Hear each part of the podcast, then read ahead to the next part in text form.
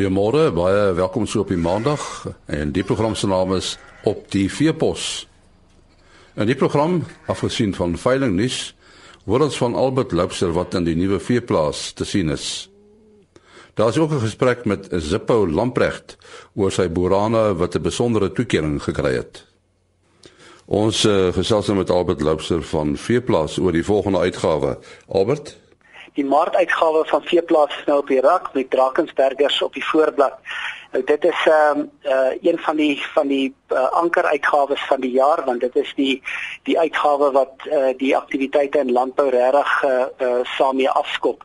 Ehm um, een van die groot geleenthede van Maart is die Bonsmara se rooi geleentheid wat uh, aangebied word by die die Afridome in Parys en uh, dit is dan ook in hierdie uitgawe wat ons uh, die die uh, Bonsmara bylaag wat saamloop met hierdie rooi geleentheid ook ingesluit het en dit is 'n uh, goeie geleentheid om die rasse bietjie beter te leer ken en dan ook 'n uh, ondersteuning vir die vir die geleentheid wat uh, een van die groot vee geleenthede van die jaar geword het.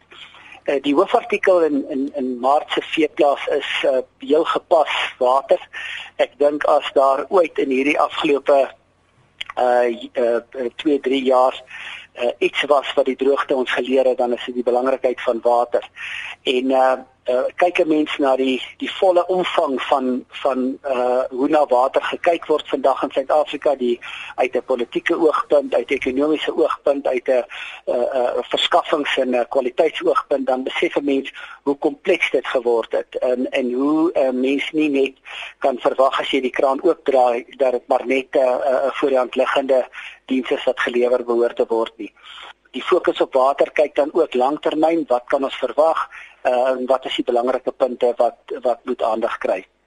Dit is ook 'n uitgawe wat ons weer eens soos uh, uh, in die verlede baseer op die vier belangrike fasette, die ehm um, uh, dieregesondheid, dierevoeding, plaasbestuur en finansies en teeling en dan kyk ons in 'n seisoenskonteks daaraan. Dis nou 'n uh, uh, tipiese herfsmaand maar in aanloop tot 'n winter waarvoor ons nou al voorbereiding moet tref en in elke een van hierdie tegniese afdelings uh kyk ons dan wat moet in in in hierdie maand gedoen word om uh, uh, uh goed voorberei te wees vir 'n winter wat na 'n droogte soos wat ons gehad het vir enige veeboer 'n uh, groot uitdaging gaan wees. Uh hierdie so dis 'n uitgawe wat ons glo boere waarde gaan toevoeg. Dis uh ook binnekort weer Nampo en die groot landbouskoue in die in die in die land uh skop in April af. Ehm um, dit is 'n uh, klomp geleenthede wat uh, uh, boere en en landbouers weer bymekaar gaan kan uitkom en ons hoop dat hierdie uitgawe gaan waarde toevoeg. Daar sê en 'n netedop Albert Loubser van Veeplaas. En nou veiling nuus. Op die 8de Maart van die 24ste produksieveiling van Jan Vos Landgoedplaas by Brakfontein Davel 175 SA vleismarinos 50 geregistreerde ramme, 25 dragtige tweetandooeie, 100 kommersiële dragtige tweetandooeie word opgevuil deur BKB van Wyk. Die 8ste produksieveiling van Gapse Berg Boerbokgroep vind op die 9de Maart plaas by die Vryburg skougronde. 25 ramme en 70 ooeie word deur Noord-Kaap Lewende Hawe Vryburg opgevuil. Op die 11de Maart vind die Sail of the Roses wit en rooi brahmane se veiling plaas by die Afridome Parys. Vyf bulle met 'n stoetpotensiaal en 50 koeie en verse dragtig met kalf en ongedek word deur Simon Hughes Marketing opgeveil. Tot sover veiling nuus. Ons gaan nou 'n bietjie praat oor SA Stamboek se Elite vleisbees toekenninge wat in die Vrystaat gedoen is vir 2016. En uh, ons praat met die algehele wenner van die Vrystaat Uh dit is uh van Bloodline Borane van Zippo Lamprecht wat daar in die De Wetsdorp omgewing woon. Uh Zippo, hoe het gebeur dat jy aan hierdie uh hierdie projek deelgeneem het? Wel, ehm um, alle stoetelers wat wat geregistreer is by SA stamboek van alle rasse uh moet outomaties prestasie uh syfers instuur en so na na SA stamboek toe. So so ons word outomaties ehm um, uh, gekies en jy weet so dit geen uh, toets of geen kompetisie waaraan ons inskryf nie. So daar's produksie aantekening gedoen en toe kwalifiseer jy outomaties vir die toekennings. Ja, dis korrek. Hierdie hierdie produksie aantekening, hulle hulle sê dat dis die boonste 30% uh wat wat eintlik uh, in aanmerking kom as ek reg. Ja, kyk, die as as ons kyk na na al die stoetelers in die land, vat hulle die die eerste 10% kry uh elite goud status, dan die die basies van van 11 tot 20% kry uh elite silver status en dan dan van 21 tot 30% kry elite brons uh status. Nou, wat is dit wat beoordeel word? Is dit die aantekening self, uh, is dit die groei of wat presies? Ja, ek ek dink in in die in die eerste geval ehm um, gaan dit oor wat jy aanteken en en dan natuurlik jou seleksie wat jy wat jy dan doen uh, uh volgens jou jou uitslae. So, hoe lank boer jy nou al met borane? Ek is al van 2004 af aan die gang met die borane, so ons praat daar nou van so 11 jaar. Nee, dis 'n Afrika bees, nê? Nee. Jy weet as as ek sit kyk na na al die al die uitslae en so, ek dink vir vir die Afrika ras is dit 'n is dit 'n groot uh, mylpaal om te bereik omdat ons teen teen al die ander rasse gekompeteer het. En en ag in in in my boerdery omstandighede kan ek nie 'n ander dier sien as as die boeraan om om te gebruik nie. So jy jy het 'n stoetteelery, né? Nee? Yes, ja, dis reg. En het jy kommersieel enigins? Ons ons boer ook uh, ek boer ook kommersieel boerane, ja. Het jy net beeste of is daar skaap ook? Nee, ons is ek is slegs 'n uh, beesteboer. Hoe lyk die veld so in die droogte tyd? Uh Wel, hy is hy is maar dit is maar droog ek glo oral oor die land. Ehm um, maar maar ek, ek is positief ek glo met met my rasse gaan dit darm al 'n bietjie beter so so ek ek dink ons ons sal dit kan deurvat hierdie winter. En uh Zippa hoe hoe groot is jou stoet?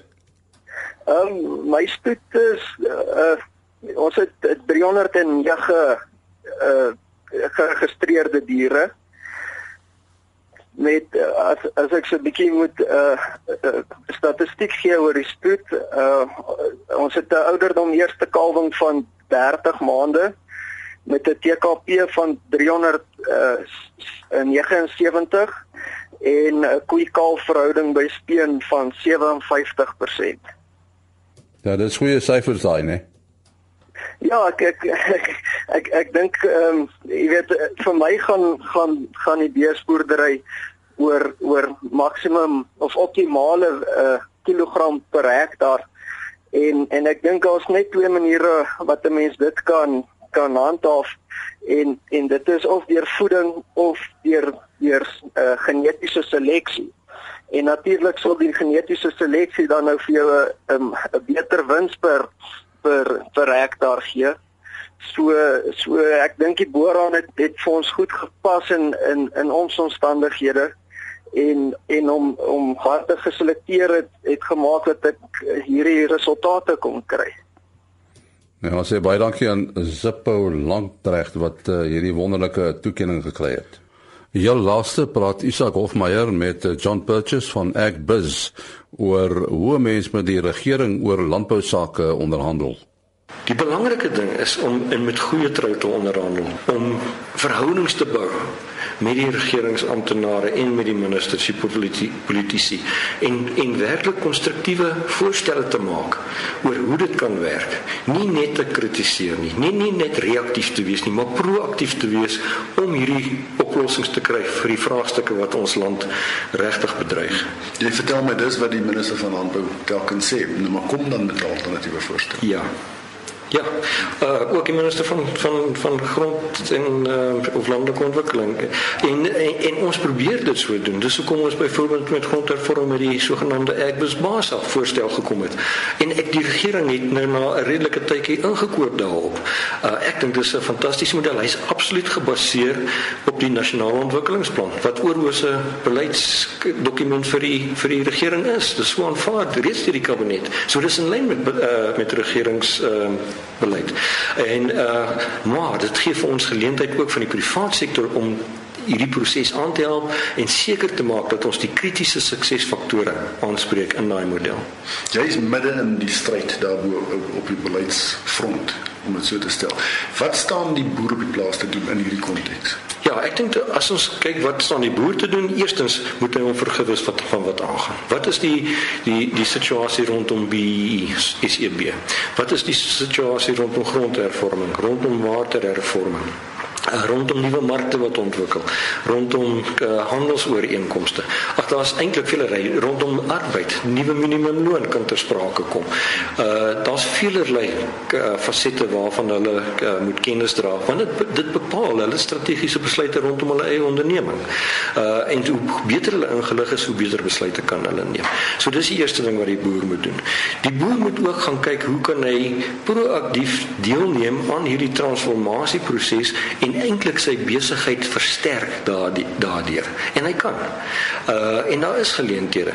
Ja, ons is besig om nou sogenaamde loodsprojekte uit te rol uh met die departement van ehm uh, landelike ontwikkeling en grondhervorming, juis om hierdie model wat ek genoem het. Uh en as ons daai goed kan suksesvol maak, gee dit ook geleentheid vir ander produsente om deel te neem aan daai daai tipe model, daai tipe van grondhervorming. Uh dit is so dat die regering uh gaan aansienlik hoeveelheid geld beskikbaar maak daarvoor en die banke het basies onderneem om ook in die omgewing van 'n miljard rand per jaar beskikbaar te stel vir die finansiering van daai grondhervorming uh oor 'n periode van die volgende 15 jaar tot 2030. En ek dink dit wys die goeie trou beide van die besigheidskant af en samewerking met die boere om om grondhervorming reg te kry wat volhoubaar is uh en wat suksesvol is. Dit was uh, Dr. John Purchase en Isak Hofmeyer. En daarmee ook die einde van ons program. Môreoggend om 4 voor 5 is ons terug. Tot dan. Mooi loop.